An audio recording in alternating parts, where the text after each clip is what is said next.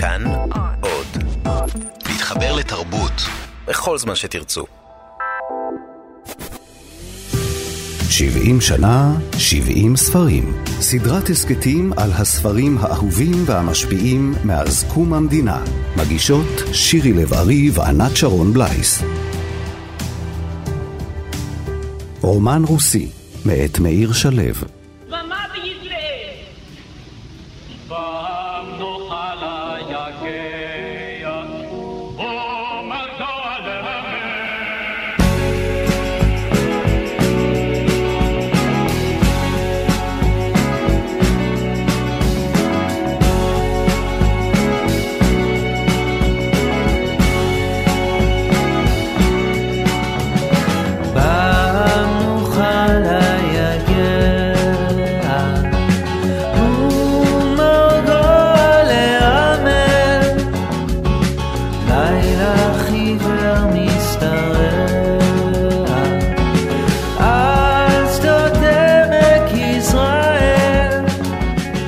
החברים הללו היו הגיבורים של סיפורי ילדותי. כולם, כך סיפר לי, נולדו בארץ רחוקה, גונבו את הגבול ועלו לכאן לפני הרבה שנים. חלקם בקרונות של מוז'יקים, מילה שלא ידעתי את פירושה, שנסעו לאיתם בין שלגים ותפוחי בר, לאורך חופים מסולאים, אגמי ישימון מלוכים, בין גבעות קרחות וסופות של חול. חלקם רכובים על אבזי צפון בהירים ולהם כנפיים, כמו מקצה המתבן ועד בית האימון, דאו וצרחו מרוב עונג על פני שדות גדולים וים שחור. אחרים אמרו מילות סתר שהניפו אותם ברוח חזקה והעתיקו אותם לכאן מלוהטים ועצומי עיניים, והיה גם שיפריס. כשעמדנו כולנו בתחנת הרכבת של מקרוב, והקונדוקטור שרק, וכולנו עלינו לקרונות, פתאום הודיע שיפריס שהוא לא נוסע. לא גמרת את העגבנייה, ברוך. פערתי את פי וסבא תחב פנימה פרוסת עגבנייה זרויה מלח גס. שיפריס אמר לנו, חברים, לארץ ישראל צריך לעלות ברגל. הוא נפרד מכולנו בתחנת הרכבת, עמס את תרמילו, נופף ביד, נעלם בענן הקיטור, ועד היום הוא צועד לארץ ישראל, מפלס את דרכו, ויהיה החלוץ האחרון להגיע.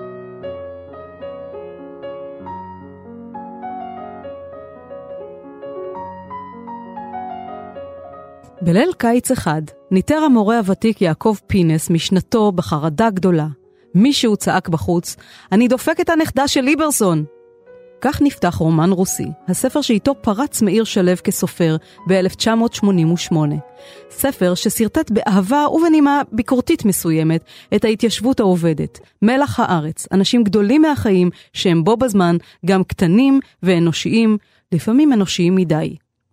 הרומן משלב יסודות אישיים מילדותו של שלו בעמק יזרעאל, במושב נהלל. הוא מתאר משפחת איכרים, מראשוני המתיישבים בעמק, דרך נקודת מבטו של ברוך, ילד שהתייתם מהוריו בגיל צעיר וגדל אצל סבו. שלו יצר מעין מיתולוגיה ציונית פנטסטית, ומתאר בתוך כך את ההתפוררות האיטית של דור המייסדים. את רומן רוסי, שהיה ספרו הראשון למבוגרים, פרסם מאיר שלו ב-1988. הוא היה כבר קרוב לגיל 40, אחרי קריירה מצליחה בעיתונות ובספרות ילדים, ואז הוא כותב מעין אוטוביוגרפיה דמיונית. יש בו כמה אלמנטים שמזכירים את המשפחה שלי, יש בו כמה סיפורים ששייכים למושבים ולמשפחות אחרות, ו- ורוב רובו אכן בדוי. זה אולי ביוגרפיה דמיונית, אבל לא, לא ממש אוטוביוגרפיה. אה, ביוגרפיה של המושב, של העמק, אבל לא, לא ממש שלי. שלו גדל בבית ספרותי. אביו היה המחנך והמשורר יצחק שלו, אבל הוא לא תכנן קריירה בתחום הספרות. אני קודם כל רציתי לכתוב ספר. נמאס לי לעבוד בטלוויזיה. הייתי לקראת גיל 40, אה, מעולם לא תכננתי להיות סופר קודם לכן.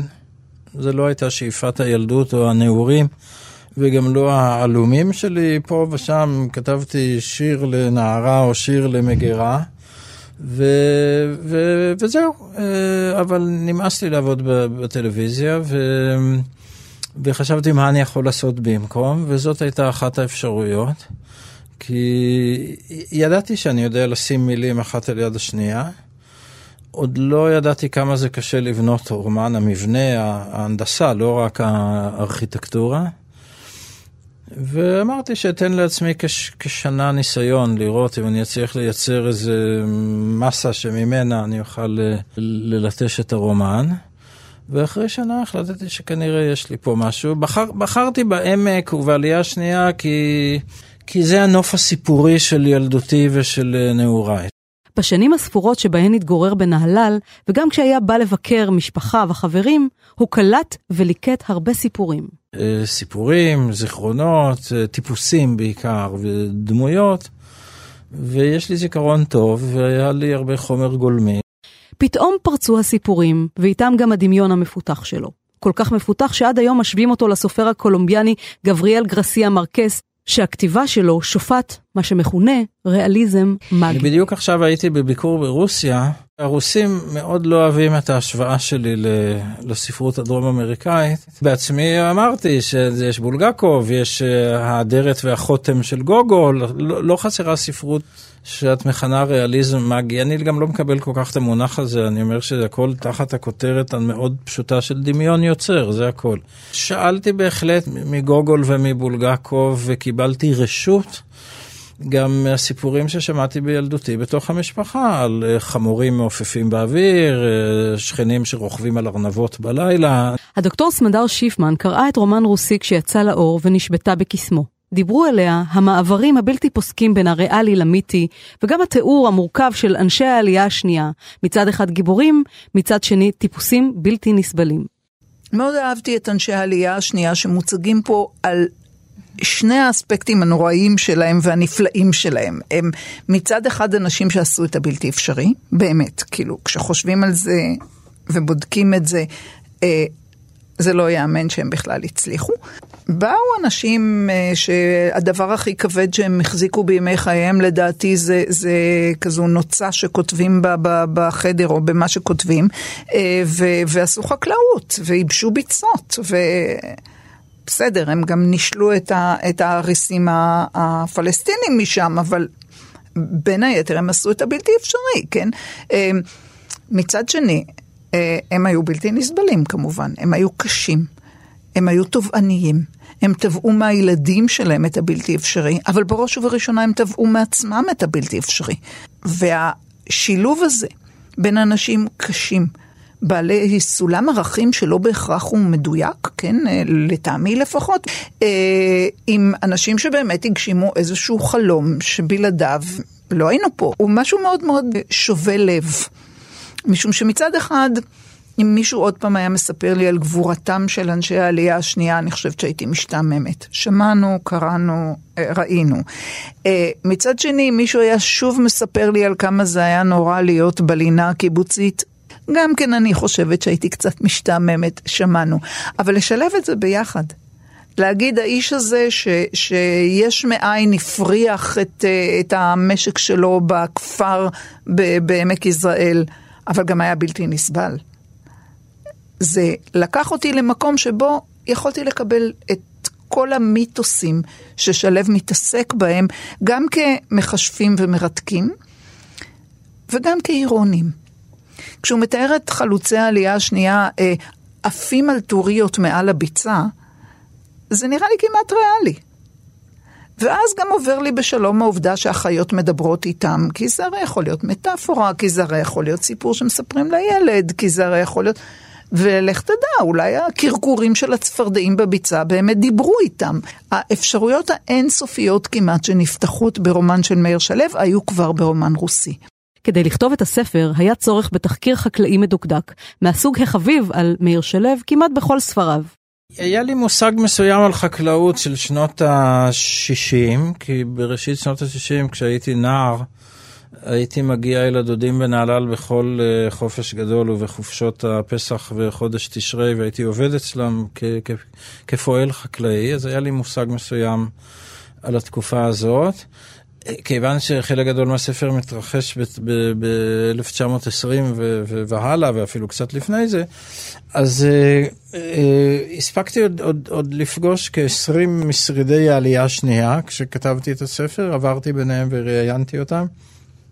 גם פרטים טכניים על חקלאות שלהם, אבל בעיקר על, על הזיכרונות, ועניין אותי המבט לאחור שלהם. כאנשים זקנים, איך, איך הם מסתכלים על, ה, על המפעל הזה, הם באמת היו... אה, לא לחינם, אלתרמן קרא להם אנשים משונים. שיר על אנשי עלייה שנייה, יש לו שיר ידוע שפותח במילים, הם היו אנשים משונים.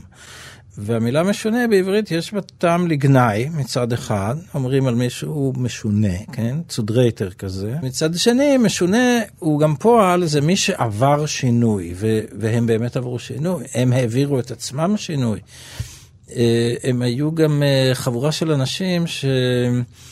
לא היה בהם היסוד של אה, עובדי הברון של העלייה הראשונה, ולא היה בהם היסוד של הקשיחות האידיאולוגית של העלייה השלישית, גדוד העבודה, שהיו קומוניסטים קשים למדי, והיו בהם הרבה יסודות היפיים ואהבה חופשית. ו- וחיפוש דרך, תהייה, היה בהם משהו שובה לב לנערים ונערות.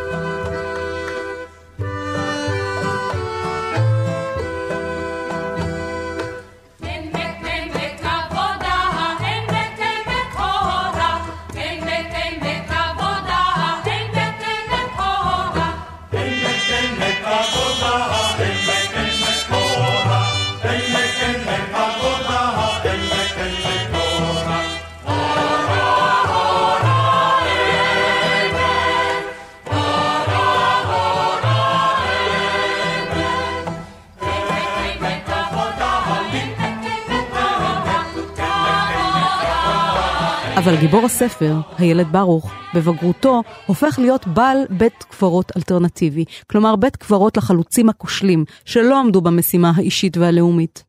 מדוע הגיבור בא חשבון עם אנשי העלייה השנייה? למה הוא רוצה לבנות בית קברות דווקא לאלה שלא ייבשו את הביצות? נראה שזו ביקורת ונקמה באלה שכן ייבשו. מצד אחד, הוא מציג את עצמו כמוגבל, כמעט כטמבל, כמי שעושה מה שסבא שלו רצה. סבא שלו רוצה לנקום באנשי המושב, במקום שהכי כואב להם, באדמה שלהם, ולכן ברוך מקים בית קברות באדמה של סבא שלו. עכשיו, להקים בית קברות באדמה של מושב בעמק זה בדיוק להחזיר את הציונות לימי טרום הציונות, כשאנשים באו למות ולהיקבר בארץ ישראל, ולא לבנות ולהיבנות בה. מצד שני, כשמסתכלים על ברוך הוא הרבה יותר מתוחכם ממה שהוא נראה במבט ראשון. הוא היחידי שם שמתעשר מאדמת העמק. אה, הוא עושה דברים הרבה יותר אינטליגנטיים ממה שנראה לעין. אה, יכול להיות שהביקורת, האירוניה, החתירה תחת כל המפעל הגדול של אנשי העלייה השנייה היא מודעת. אני חושבת שהוא במובן מסוים כלי בידיו של המחבר להגיד את שני ההיבטים של הביקורת על העלייה השנייה. להגיד לנו, אלה היו אנשים מאוד קשים, שבאופן מסוים סירסו את כל מה שהיה מסביבם. הדור השני כולו משועבד. הבן הבכור אברהם שנכנס לכזה טירוף עם להגביר את uh, תנובת החלב של הפרות שהוא כמעט יוצא מדעתו מזה עד שאשתו לוקחת אותו uh, לאמריקה הלטינית כמובן, שזה נראה לי מחווה מאוד יפה למרקס. הבת נהרגת, אין דור שני. הדור השני כולו או מת או מסורס. אבל בדור השלישי יש גם אפשרות נוספת, וזה אורי. בן דודו האהוב של המספר, בן דודו היפה והנפלא שמהדהד את אפרים יפה התואר מהדור השני. ואורי מחיה את המשק של הסבא ומגדל אה, חיטה בין המצבות. אני חושבת שהאמירה של שלו בספר הזה היא מורכבת. היא לא רק אירונית, היא גם מכירה בערך של מה שנעשה פה בזמן העלייה השנייה, וגם אומרת זה היה בלתי נסבל, זה היה תובעני, הם היו אנשים קשים, כמעט בלתי אפשריים, אבל אולי בלי זה זה לא היה קורה. הנקמה של הסבא הייתה נקמה אידיאולוגית, והוא אומר את זה הסבא, אני אפגע בהם, בחברים שלו לשעבר, אני אפגע בהם במקום שהכי כואב להם באדמה.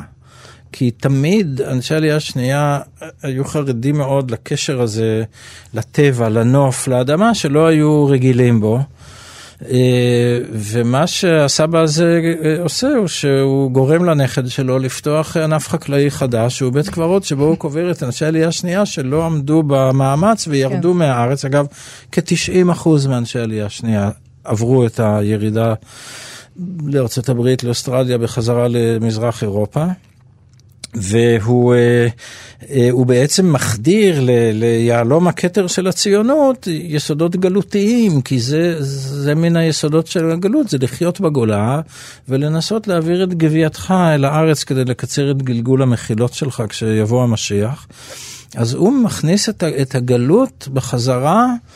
אגב, תהליך די דומה עובר על אה, עוד סופר דרום אמריקאי מפורסם, ש"י עגנון, ש, שמתאר אותו בתמול שלשום, אה, יצחק קומר, שהגלות שלו היא ירושלים. אה, הוא, הוא מת, עגנון מתאר את ירושלים כ, כ, כעיר של גולה בתוך ארץ ישראל, שיונקת אל תוכה ושואבת עד מוות את קומר לפני. מי אמר שאין ייצוג למזרחים בספר? מי שעוזר לגיבור בבית הקברות זהו בוסקילה, דמות מעניינת, עולה חדש מארצות ערב. שניהם משתפים פעולה בחתירה נגד הזרם המרכזי של אנשי העלייה השנייה, ברית של נידחים. בוסקילה הוא, הוא בחור חריף מאוד מן העולים החדשים ש... מה שאני קורא העיירה הסמוכה או המעברה הסמוכה שהיא בעצם מגדל העמק. אה, ובוסקילה בא לעבוד בצרכנייה של, של הכפר, הוא מפליא בחישובים מתמטיים, הוא מאוד זריז בחישובים מתמטיים. והוא נעשה מנהל העסקים של, של ברוך אה, שנהר, הנכד של אותו סבא, שהוא קצת תמוה וקצת בוק, אבל הוא עושה מה שהסבא אמר לו לעשות, ובוסקילה הוא העזר כנגדו. שלו קרוב לאדמה, כאדם וכסופר. יש לו הרבה מאוד ידע בוטני, ויש לו גינה מקצועית ממש. זה, זה חלק מה, מהחינוך שלי כילד, אה, שחלק ממנו אגב הוא מירושלים ולא לא, לא מנהלל, כי בירושלים היה לי שכן ששמו אמוץ כהן, שהיה מורה ידוע לטבע וחוקר טבע, בעיקר עסק בעכבישים ובחרקים. וכילד בן שש הייתי מין נושא כלים שלו, הוא היה אז כבן שישי. היה יוצא כל יום אחר הצהריים לשדה שליד שיכון קריית משה והייתי מתלווה אליו והוא הציג לפניי את הטבע, גם, גם אימא שלי, גם בית הספר של נהלל שמאוד הקפיד על הנושאים של הכרת הצומח. אה, של צומח הבר בסביבה, ומשם ינקתי את החיבה לטבע ואת הידע שיש לי. והקרבה הזאת של שלו לאדמה מקבלת ביטוי ספרותי. הוא לעולם לא מתעכב על הפסיכולוגיה של הדמויות, אלא משאיר למעשים שלהן לדבר בעד עצמם. אני משאיר את זאת לקורא, אני אומר, גם הקורא צריך להיות גורם פעיל. כמו, אני, והאמת שגם זה, זה, זה משהו שהוא מאוד קיים בתנ"ך. שהוא, שגם הוא איזה אחד, אחד מהשדות שאני רואה בהם, וה, והקריאה בתנ"ך שהיא רצופה תהיות. אה, כי התנ"ך קמצן מאוד בהסברים כן. פסיכולוגיים. ותהר ותלד, מה היה בתשעה כן, חודשים כן. האלה? וישא יעקב את רגליו וילך ארצה בני קדם. אלף קילומטר ברגל במדבר, סליחה, לא ישנת בלילה, איך אכלת, איך שתית. כשסיים סייעתי לו לקום, ועטפתי את כל גופו בסדין גדול, ישן ורך, שבו נהג להתנגב, ונשאתי אותו כסט האומנת היונק, בחזרה אל החדר. סבי לבש לי איתו את הפיג'מה החדשה שקניתי לו, ביקש שארכוס לו את כפתורי החולצה, ואחר כך אמר, קבור אותי באדמתי בין העצים. הוא שכב במיטה, הניח את משקפיו על שולחן הלילה הקטן, משך את השמיכה עד צווארו, ושקע בתנומה עמוקה, שרק שש שעות אחר כך הסכמתי להבין שאינה אלא חוסר הכרה שאין ממנו דרך חזרה. רבקה והרופא רצו להחישו לבית החולים, אבל אברהם אמר להם שאביו החליט למות ואין להפריע לו. באחת אחרי חצות אמר דוקטור מונק שחוסר הכרה כזה יכול להימשך ימים, ורבקה ואברהם הלכו לנוח מעט. גופו של סבא המשיך לנשום, לרטט, ואדמה חומה יבשה ומסריחה נפלטה ממנו. שלושה ימים רצופים ישבתי ליד קיר העץ, ולא ישנתי אפילו דקה אחת. אנשים נכנסו ויצאו, ומגודל עייפותי הזיתי הזיות, ושוב לא הבחנתי מי מהם בא בעד הדלת ומי יוצא מתוך ארגזו הסגור של סבא. בלילה השלישי, כשכל גופי נעשה נקבובי ורופף מחוסר שינה, חדלו החלומות להתאבך בחדר, ואני הבנתי שסבי מת. קמתי ממקומי, ניגשתי אליו והרמתי אותו. הוא היה קטן וקל. האדמה, האדמה, אמר פתאום, האדמה תיתן קולה. נשאתי אותו על זרועותיי והתחלתי ללכת אל השדה. עברנו את המתבן ואת מכלאות העגלים הנמים. ליד חדרו הישן של אפרים נעצרנו לקחת כלשון חפירה, מקוש ועט. חלפנו בדממה על פני זייצר שוויכוח פנימי הרעיד את כל גופו. נבחת טן נשמעה מרחוק והחרידה את תרנגולי ההודו. שכבה עבה של טל כיסתה את פני האדמה, את טרפי העלים ואת מושבו של הפורדסון שחנה בסמוך. פה, אמר סבא. הרמתי את המקוש והכיתי בקרקע כמה פעמים, ואחר כך חפרתי וסילקתי את הרגבים בקלשון, ובעת יישרתי את הדפנות. כך המשכתי ללא הפסקה, ומשום שכוחי רב ורוחי סערה בי מאוד, קריתי בין האגסים והתפוחים בור רבוע ונאה בעומק מטר וחצי בתוך 25 דקות. פשטתי מעליו את הפיג'מה והנחתי אותו בבור. גופו חלק ולבן, הבהיק בחשיכה. כיסיתי אותו באפר שחפרתי, הידקתי בכפות רגליי ואחר כך הנחתי אבנים כבדות שאספתי משולי המגרש. שכבתי על האדמה הלכה ושקעתי בתנומה עמוקה.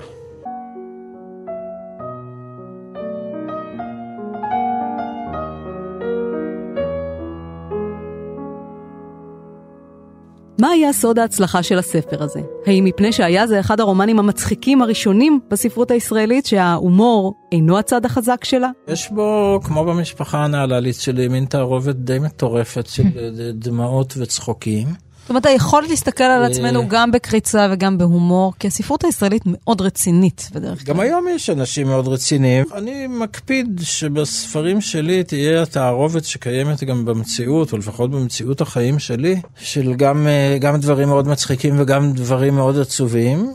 אמ, אני, אני נוטה לשני התחומים, באופן טבעי, גם, גם בחיי. יכול להיות שגם העברית של הספר, שהיא עברית מסוג אחר, גם מאוד מדוברת ויומיומית וגם מאוד מסתמכת על כל הרבדים של השפה העברית ו- וגם של שפה מדוברת של היום ושפה מדוברת של תקופת העלייה השנייה וקצת יידיש וקצת לשון חכמים וקצת תנ"ך. זה חטא לא להשתמש בכל ההיצע שהשפה המשוגעת הזאת מציעה לנו. אז העברית העשירה והיפה, העיסוק האמיץ במיתולוגיה המקומית, הריאליזם המאגי וכמובן ההומור, הפכו את רומן רוסי לסיפור הצלחה שרבים אוהבים וזוכרים גם שנים רבות אחרי שקראו בו. דממה